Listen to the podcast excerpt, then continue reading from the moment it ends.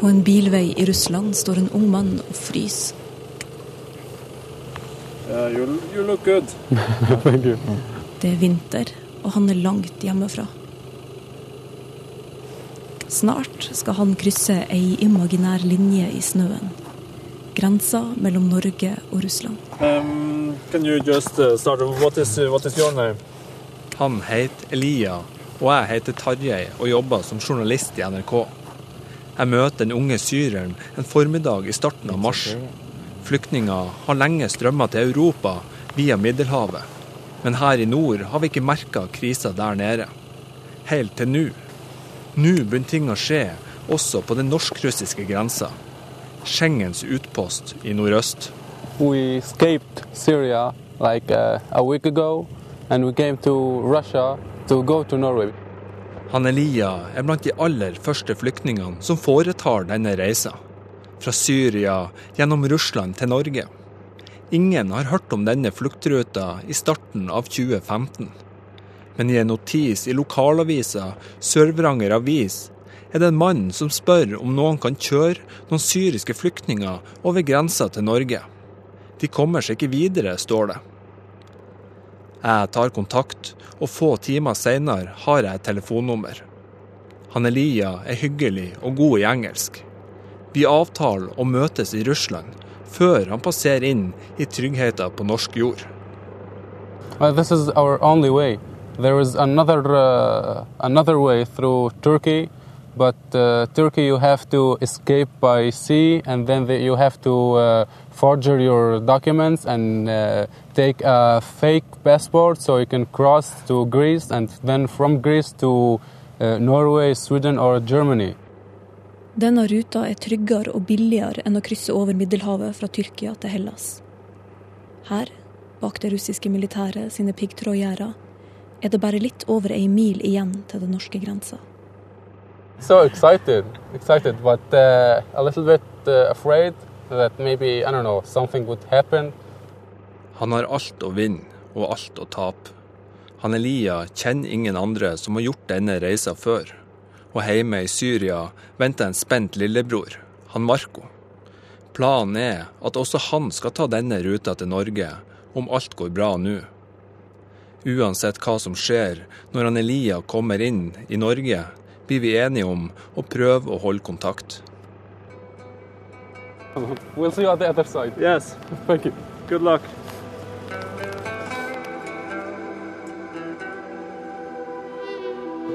Denne historien begynte for mange, mange måneder siden. I remember uh, my room exactly the way it used to look before I left. Se for deg et gutterom. Me what do you what do you see? Et stort rom med to senger. To vinduer. Uh, I uh, a big room. Ett vender ut mot gata. It had Det andre mot havet. two windows, and uh, it had two beds, one for me and one for my brother. Ei av sengene tilhører Elia. Den andre tilhører lillebroren Marco. And it had a small library. We put uh, all our books in it. Rommet har en TV og en datamaskin. Ei bokhylle til bøkene de leser. De laster ned TV-serier. Downton Abbey og Game of Thrones. Og leser Shakespeare og Dickens høyt til hverandre om kveldene. It was good, good life. I I remember it was a good life before the war, but after the war, uh, my room uh, started to look darker and darker. And started to look uh, more like uh, more like uh, a wildness. Kampene i deler av Syria har vært så harde at de kan karakteriseres som borgerkrig. Det mener den internasjonale Røde Kors-komiteen. Homs the revolusjonen. capital of the revolution. The revolt against President Bashar al-Assad has been going on for nearly a year. Kvinner og barn eh, skal ha blitt drept med kniv under gårsdagens massakre i neighborhoods i. Syria. I 2011 starta krigen i Syria. Først kom protestene, deretter skytinga. Så bomben, de ødelagte byene, fremmedkrigerne og etter hvert IS. Noen fredelige lommer gjensto, som havnebyen Tartus, der han Elia bodde. Men også han ble hardt prega av krigen.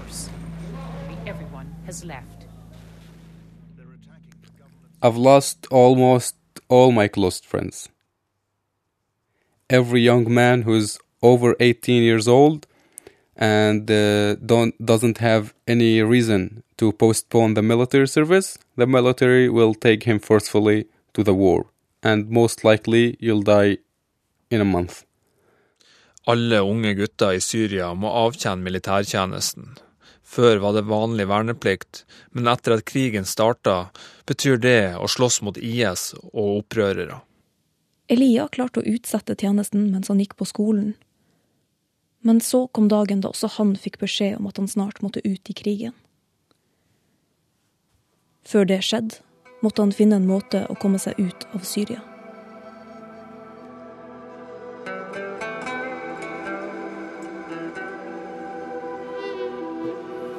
På rommet sitt forsøkte Lia og Marco å legge en plan. De snakka om Middelhavet, om båtene og menneskesmuglerne. Men det koster penger. Og det er farlig.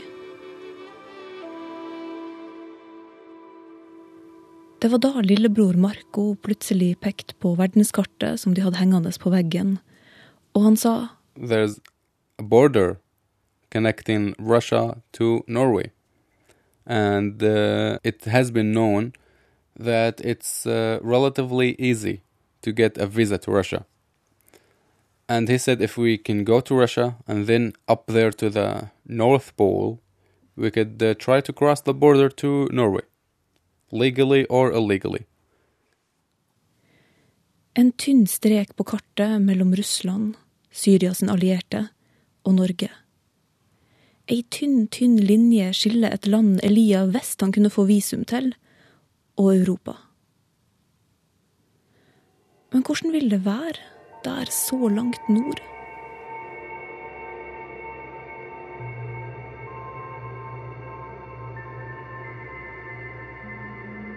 And I told him that uh, I don't think that uh, there would be an actual border up there. I thought that uh, it will be all snow and North Pole and will be no uh, people there. Ville det være mennesker der? Eller bare snø og is? Det er nesten på Nordpolen. Ville det i det hele tatt være mulig å krysse grensa? I had to make a choice: even wait for the military to uh, drag me to the to the war. The, my deadline was uh, December 2015. That was the deadline. I cannot postpone the military after that. I have to go to the military. Elia måtte gjøre et valg. Og om han ikke visste hvordan han skulle krysse grensa til Norge, så visste han hva som venta han i Syria. My brother had two friends. They were twins in our uh, neighborhood. They were 18 years old. To av Marco sine venner, et tvillingpar, var 18 år gammel da de ble sendt i krigen. De to havna i kamper mot IS i nærheten av oldtidsbyen Palmyra. En dag ringte en av brødrene hjem til mora si. He called his mother in the evening from one of the houses in Palmyra. He said, um, Mom, I don't know where my brother is. He most likely been killed. Han fortalte at han var i et hus ute i ørkenen. Right now I'm in a small house uh, in the desert. Han visste ikke hvor broren var. And uh, ISIS is uh, going uh, house through house and slaughtering every uh, man and woman they find in these houses. And they are coming next. IS gikk fra dør til dør og slakta de de fant. So if I don't call you in an half an hour, they would be slaughtered me. And he didn't call. Dette var siste gang familien hørte fra de to sønnene.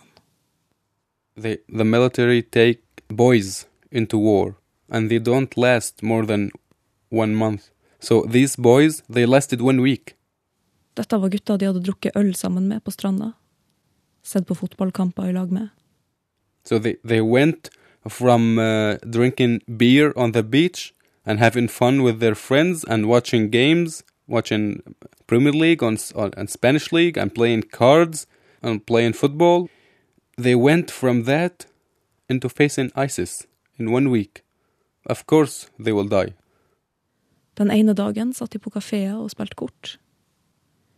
Den neste sloss de mot IS i ørken.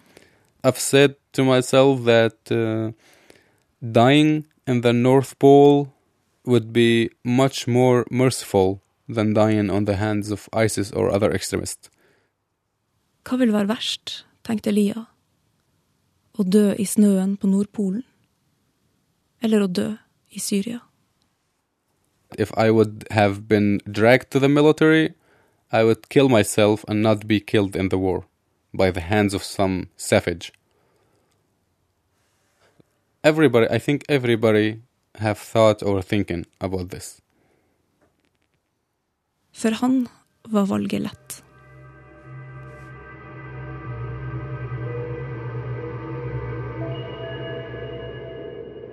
Et halvt år etter at Elia kom til Norge, har tida kommet for broren Marco.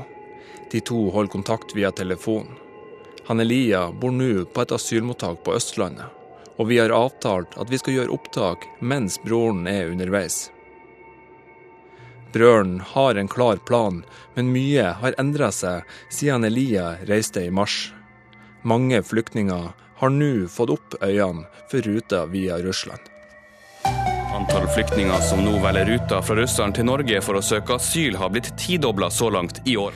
Det foregår en utstrakt menneskesmugling over grensen ved Storskog. Ja, det er ikke tvil om at, at den uh, har et preg av menneskehandel. Fluktruta via Russland til Norge kan komme til å vokse ytterligere. Politiet i Øst-Finnmark mangler ressurser til å kontrollere flyktningstrømmen fra Russland til Norge. Norske og russiske myndigheter har begynt å bli bekymra over at flere og flere mennesker nå bruker Russland og Finnmark som ei dør inn til Vest-Europa. I Norge hører Elia rykter som gjør han bekymra for broren. A friend of mine just called me yesterday and said that uh, he heard uh, there's somebody uh, two days ago was trying to cross the border and he has a Russian visa and everything. En venn forteller han at russerne stopper flyktninger uten Schengen-visum før de i det hele tatt når grensa til Norge. But the Russians started telling him that he doesn't have a Schengen visa, and then they cancelled his Russian visa and said you have to go home. So they didn't let him cross at all. Kanskje er det bare et tidsspørsmål før dette lille smuttholdet til Europa stenges. Men han kan ikke fortelle dette til Marco. Han kan ikke vise Marco at han er redd. Han må være sterk. Well, I'm uh, very scared right now, but uh, I have to be strong for him. But uh, I still think, I still believe that he will be, he will, uh, he will make it. I still believe he make it. For han Marco handler det nå om å komme seg til Norge så raskt som mulig, før grensa stenges. Men det er en lang og vanskelig reise. Samme reise som han Elia gjorde et halvt år tidligere.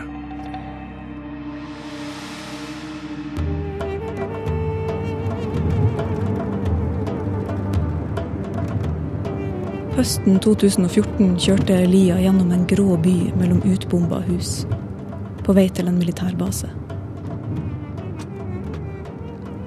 The the smell there is uh, is always a smell of uh, pollution. Pollution in the air because of the bombings. Han kjørte gjennom et landskap han bare hadde sett på TV før.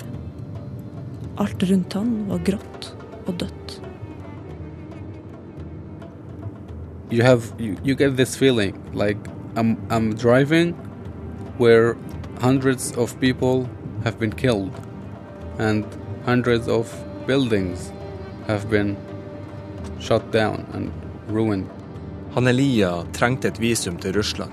For å få det måtte han ha et pass, og for å få et pass måtte militæret gi han lov til å reise ut av landet. It was like an hour long ride to go from the bus terminal to the military base. An hour ride with nothing but emptiness. Nothing but uh, darkness and uh, a, a hollow feelings that you, you when you are in the car and looking all of this death. Han var på vei dit krigen på mange måter starta. Homs.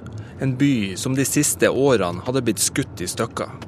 Og der, bare noen timer unna hjembyen, skulle han plukke opp papirene han trengte for å reise ut av landet. And the, all of this uh, destruction, you can only think of one thing, that I must survive this. Elia kjørte gjennom skallet av en by. Uten mennesker. Uten biler. Uh, on the highway, there's nobody, there's no life, there's no cars.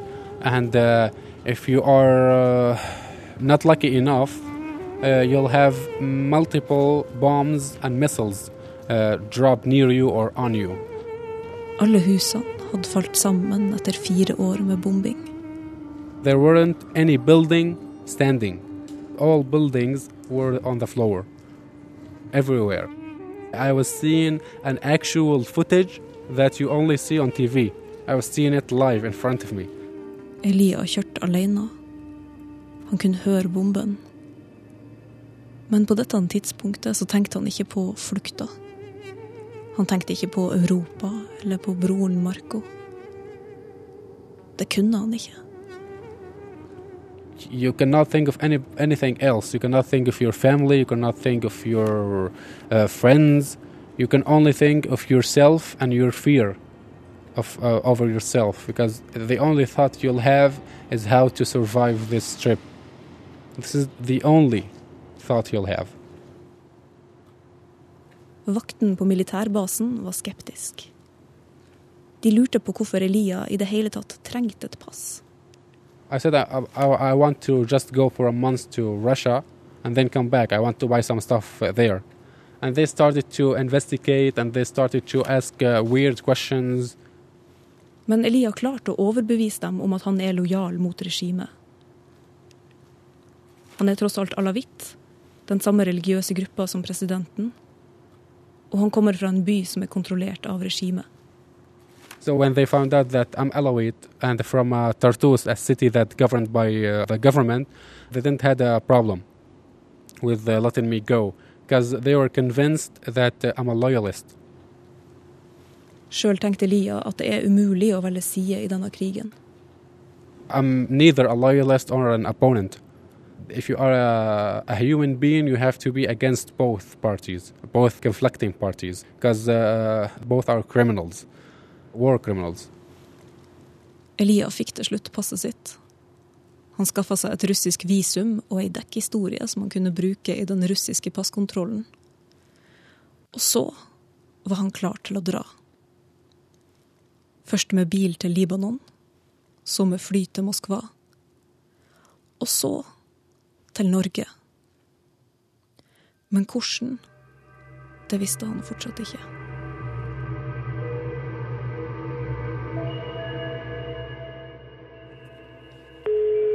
For han Marco går den første delen av reisa relativt problemfritt.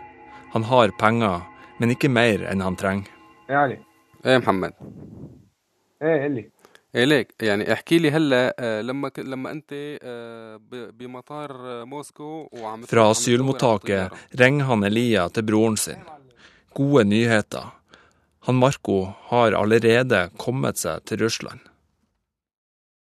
When he got to Moscow, he was surprised uh, by uh, the big number of uh, beautiful women there. Han er ute av Syria, ute av Libanon. Nesten trygg, men ikke helt.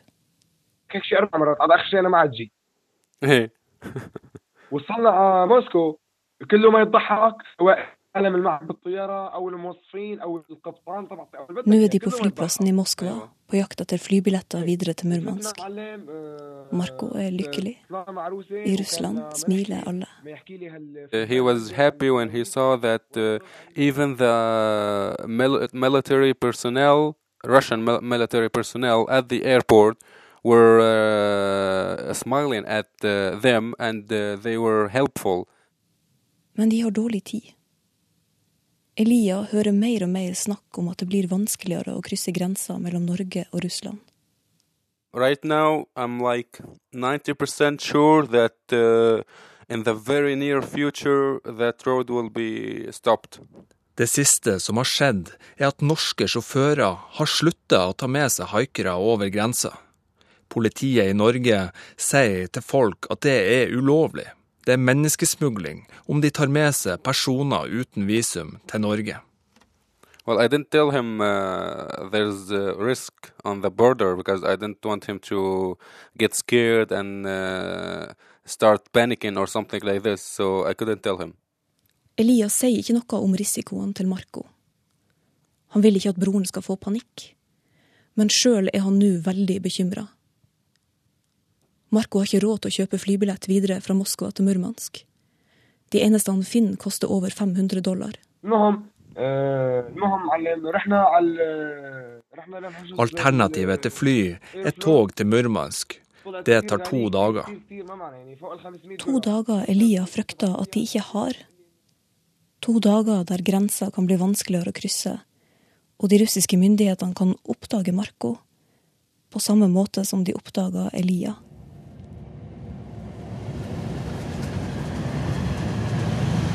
One o'clock in the morning, uh, my train went from, took off from Moscow to Murmansk. It was uh, 37, 38 hours on the road, and it was very, very, very scary.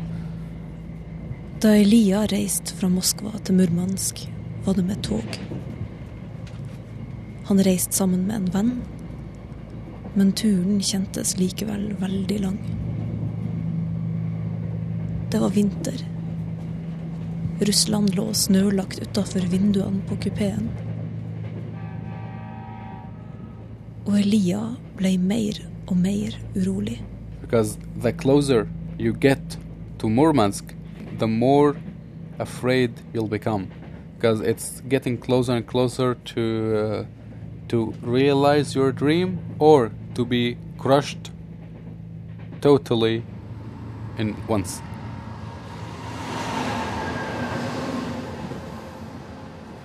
Jo nærmere han kom Murmansk, jo sikrere ble han på at planen han og Marco hadde lagt på soverommet hjemme i Tartus, ikke kom til å fungere. My logical mind was telling me that it will not work. I've never heard of anybody who has done it before. Uh, nobody on the net have heard of anybody has done that before. So why the hell you'll be the first? Of course, there must be something you got wrong. It, it wouldn't be this easy. Og da toget stoppa i Murmansk, så oppdaga Elia at han hadde rett. For reisa hans gjennom Russland hadde ikke gått upåakta hen. When we finally arrived in Murmansk at the train station, we were preparing to go down on the platform, and we were awaited by uh, three three guys from uh, KGB. They said that uh, we are from the uh, Russian intelligence. Could you come with us, please? På togstasjonen ble han møtt av tre menn fra FSB, det føderale sikkerhetsbyrået, den moderne versjonen av KGB. Uh, at that moment, I believe I remember the feeling. My heart uh, was in my stomach, and I only could see black in front of me because, like, I was sure that uh, the journey was over. For Elia ble verden svart. Han var langt hjemmefra. Det var kaldt. Ingen smilte her. Ikke engang sola var den samme som i Syria. They took us to the to this room, and they started asking, "Why are you here?" We said, "We're here for uh, tourism," and they answered, "Nobody comes to Murmansk for tourism." FSB-folkene tok Elia med til et rom der de stilte spørsmål. Hvorfor er du her? Hvor skal du videre? Skal du til Norge? Han prøvde å si at han var i Murmansk som turist, men FSB trodde ikke på det. Det er ingen som kommer til Murmansk som turister, sa de. tell us the truth. Are you going to Norway? Are you going to Nikel? I said, no, no. How are we going to Norway? We don't have a Schengen visa. We are just he- here. We're here to see the North Pole. We're here to see the Murmansk. FSB kjørte dem til hotellet deres. Der måtte de bli til mandag. Da skulle agentene komme tilbake og avhøre dem på nytt. På rommet sitt holder Lia på å begynne å grine. Han var i ferd med å miste håpet. For Russland er Syria sin allierte. Hva om FSB ville sende han tilbake til det syriske militæret? I was going to cry of fear, but uh, I had to be really strong because I, I knew that uh, the only thing that will keep me going if uh, I was strong enough. Elia forsøkte å late som om han var tilbake i Syria, på rommet han delte med Marco, der man kunne se havet fra vinduet. Han forestilte seg at de spilte videospill eller bare snakka sammen. Om han kunne late som om han var der, så kunne han kanskje klare det. I started picturing my own bed in my own room back home and how it will be easy if I were on my bed right now uh, playing some video games or chatting with my brother or something like this and uh, not being in this situation right now. And this situation of uh, a life or death situation because I, I, I cannot go back to Syria and I cannot go uh, stay in uh, Russia. It was, um, um, I, I couldn't eat for three days. Elia spiste ikke på tre dager. Han måtte finne seg en bil til Norge og be til Gud om at FSB ikke ville stoppe. This is BBC Well. Welcome from me, Julian Marshall. Norway has been reporting the arrival of Syrian refugees in its Arctic north coming from Russia.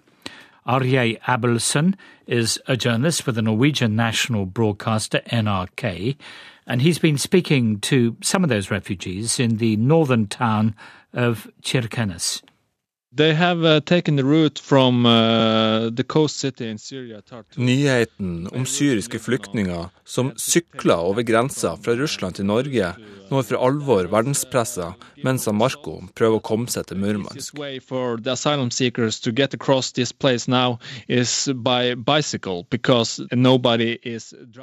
Storskog, som har vært en svært rolig grenseovergang, er nå i søkelyset til internasjonale medier som BBC, fransk TV og Wall Street Journal. They must have a certain amount of cooperation from the Russian authorities. Uh, yes, absolutely. They, they need a Russian visa.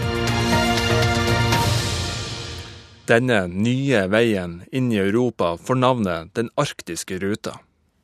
Oppmerksomheten rundt ruta er ikke gode nyheter for Elia. Han blir redd for at dette kan føre til at grensa stenges raskere. Når jeg snakker med Elia igjen, har det ordna seg for broren Marco. And um, actually, actually, I have a I have an update. He managed to get uh, an airplane that will go off uh, at 3 a- uh, 3 p.m. Uh, this day from Moscow, uh, Moscow time. Han har fått seg flybilletter til Murmansk likevel. Right now, I'm really optimistic because I wanted him to reach Murmansk uh, ASAP. So uh, I, I was really upset that he has to take the train and it will be take two days. So like tonight he will be in Murmansk. So uh, that's good. That's good. Elias ser lysere på ting nå som broren er i ferd med å komme flere tusen kilometer nærmere målet på få timer. Men er det tidsnok? Yeah, I can't actually. Uh, I don't know how to calm myself down, but uh, I have to. I was panicking a few hours ago when I heard that he couldn't find a flight, and uh, Panikken som var i ferd med å ta overhånd, gir seg. Hva som skjer på grensa er veldig usikkert, men han må bevare trua. I was earlier uh, on the phone with someone who told me that uh, uh, Russians are stopping people, but uh, do what we have to do. So. To dagers togtur har blitt til to timers flytur. دولار وطلعنا فيها طلعت في اي بي طلعت بتجنن Uh, فيها and for their surprise, uh, when uh, they got on the plane, the plane was a VIP plane, and they were sitting in the first class seats. Helt ut av det blå har Marco funnet billetter han har råd til. Og til sin store overraskelse er det billetter på første klasse.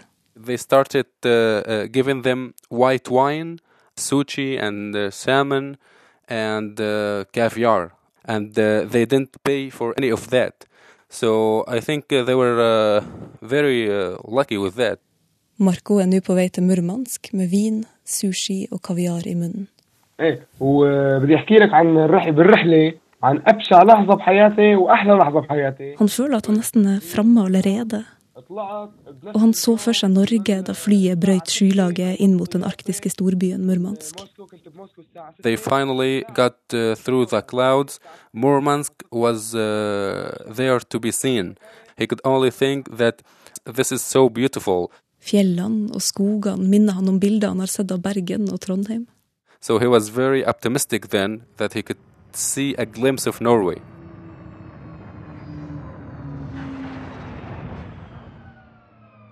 Det er ingen ubehagelige overraskelser fra Marco på flyplassen.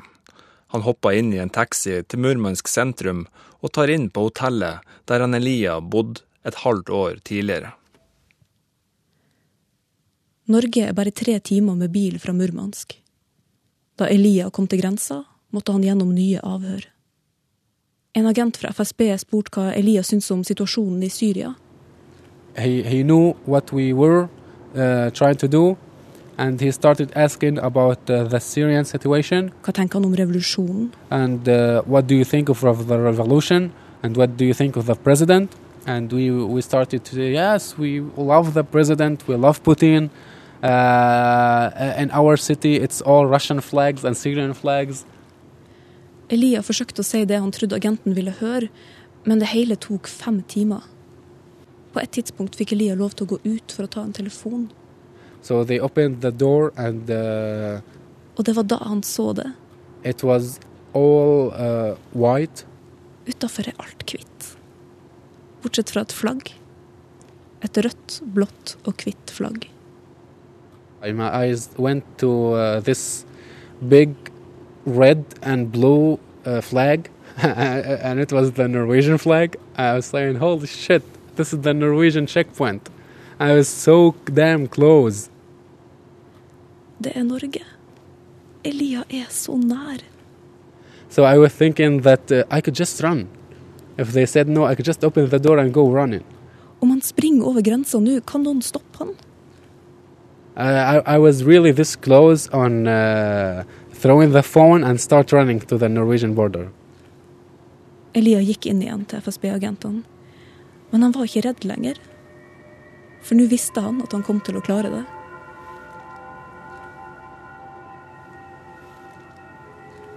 En halvtime seinere lar FSB han gå tilbake til bilen og dra over grensa.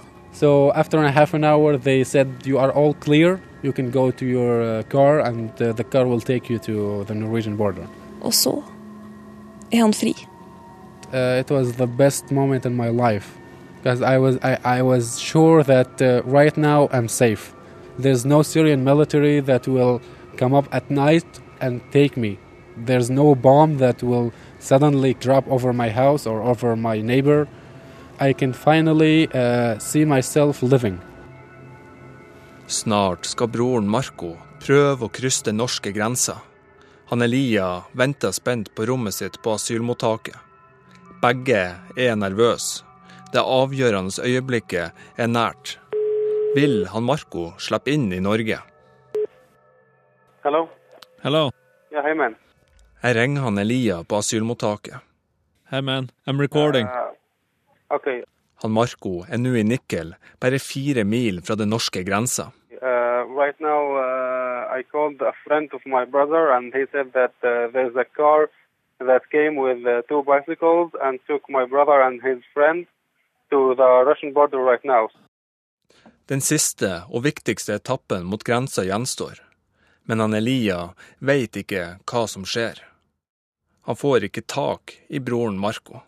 I'm not sure. I'm, I don't know what's happening, but uh, they have two bicycles, and uh, I believe uh, they're gonna go from the Russian border to the Norwegian border with uh, on on by bicycle.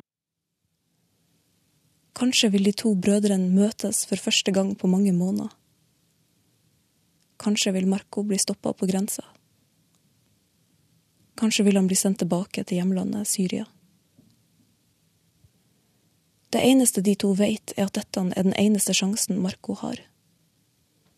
There's uh, no other situation. If, there, if anything happened and he didn't reach the border, he, he doesn't have any money to go back or to do anything. So uh, maybe they put him in jail or something. I'm not sure what will happen. Opprinnelig var planen til Marco å spørre nordmenn i Nikkel om å ta han med seg til Kirkenes i bil. I thought that uh, hitchhiking was uh, illegal. So my brother went on the road and asked every car going to Kirkenes Men folk beklaga seg.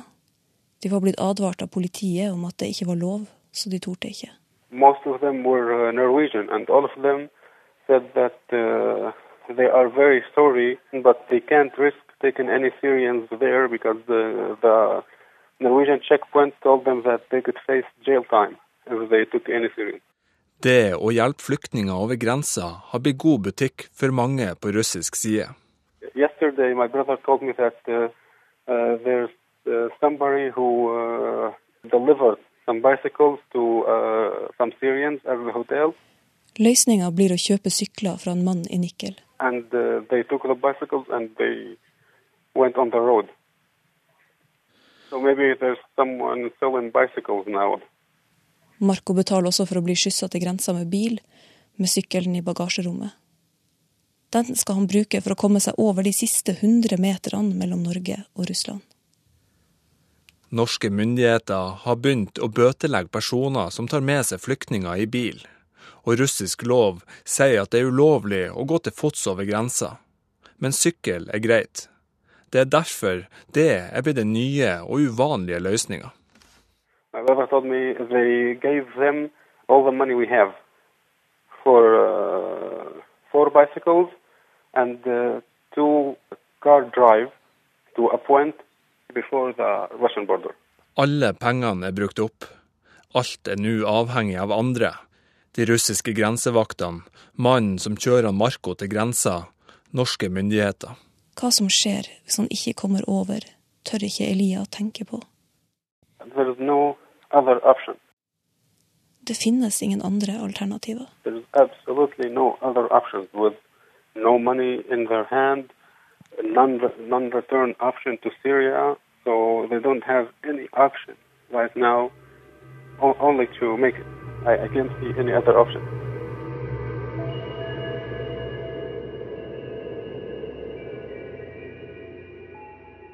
the first thing that uh, made me realize that I was out of Syria and Russia was when I first opened the door to the checkpoint. Opplevelsen av å endelig sette beina sine på norsk jord har brent seg fast i han Elia. Uh, they had rock and roll music for God's sake inside of their inside of the Norwegian checkpoints.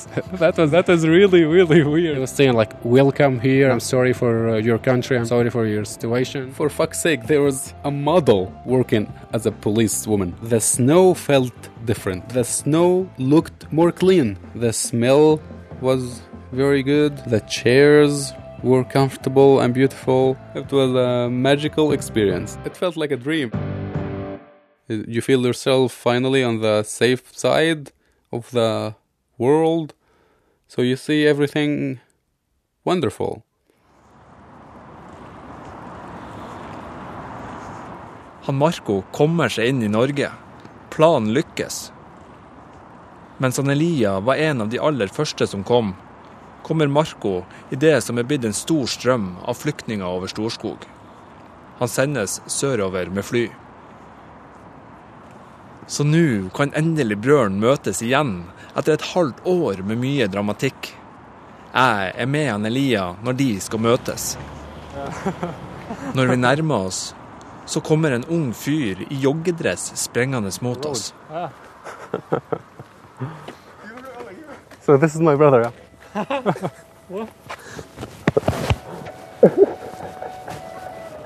Det er der, Joe. Se ikke så mye. FIFA. FIFA, FIFA. To brødre og bestekompiser holder rundt hverandre. Han Marco og han Elia ser hverandre for første gang siden eldstebror forlot Syria for mer enn seks måneder siden. How does it feel to finally arrive? I don't know. I don't know how to feel. how do I feel? I feel awesome. Amen. Det er lett å merke seg hvem som er lillebror. Han Marco ser opp til storebroren sin. He's uh, funny all the time. Yeah, he's cool. Elia er morsom og kul, og han har lært han alt. I don't know how to say it. He's like uh, everything to me. Yeah, På denne augustdagen er alt perfekt. De to brødrene er i lag igjen, framme ved målet. I Norge, i Europa og Schengen, der alle drømmene deres kan gå i oppfyllelse.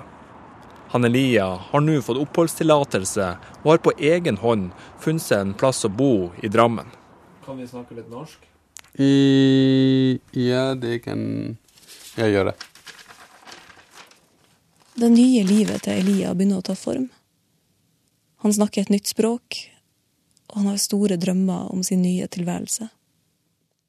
Jeg har lyst på å bli uh, forfatteren. Så hvis jeg kan skrive en film og direkte, så kanskje han kan bli aktor på filmen. Ja, det er uh, drøm. Lillebror Marco derimot er nyankommen, og på asylmottaket lever han med ei usikkerhet om fremtida. Vil han få oppholdstillatelse, sånn som broren? De mest selvfølgelige ting for andre er det han ønsker seg mest. Uh, first of all, I uh, I hope that my UDI interview comes and uh, I get my uh, person number, person number and uh, new passport, and uh, move to Drammen. Et pass. Et personnummer. og lære seg norsk og bli bosatt i Drammen, sånn som broren. Men ting tar mye lengre tid for han Marco. Den enorme asylstrømmen gjør at veien mot oppholdstillatelse er blitt mye lengre enn den var for få måneder siden. Her er NRK Norske myndigheter strammer nå inn i tilbudet til asylsøkere, og vil returnere de som har kommet via Russland. Asylsøkere som har lovlig opphold i Russland kan sendes ut av Norge. Det slår Plutselig stoppa asylstrømmen fra Russland. Vinterkulda dras fram som ei forklaring. Andre hevder Norge nå bare gjør det de skulle ha gjort hele tida, nekt folk uten visum innreise. Om det varer, vet ingen. Heller ikke i går kom det noen asylsøkere over Storskog. Slik har det vært siden mandag. Nå sender Norge folk tilbake. Flyktninger med gyldig russisk visum sendes til Storskog og må sykle over grensa igjen, til Russland. De personene som kommer via Russland, kommer fra et trygt område. Da trenger ikke Norge realitetsbehandle den søknaden. fordi at de kommer fra... For dem som allerede er her, som han Marco, kan regjeringas nye politikk bety at det blir mye vanskeligere å få bli. Har nå gått over en uke siden forrige gang asylsøker kom via denne grenseovergangen.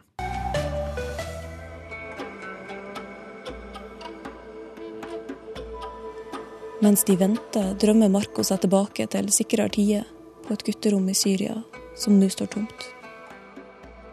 But uh, it was really, really fun in our room, and I, uh, I dream, I dream about uh, those days. Før krigen var alt så fint og enkelt. En kopp te. Lyden av havet gjennom vinduet. Han og Elia som snakker sammen utover kvelden. But you know, it's fantastic in here. Fantastic uh, to live in Norway. Yeah, and I am uh, forgetting about my room in Syria, about our room.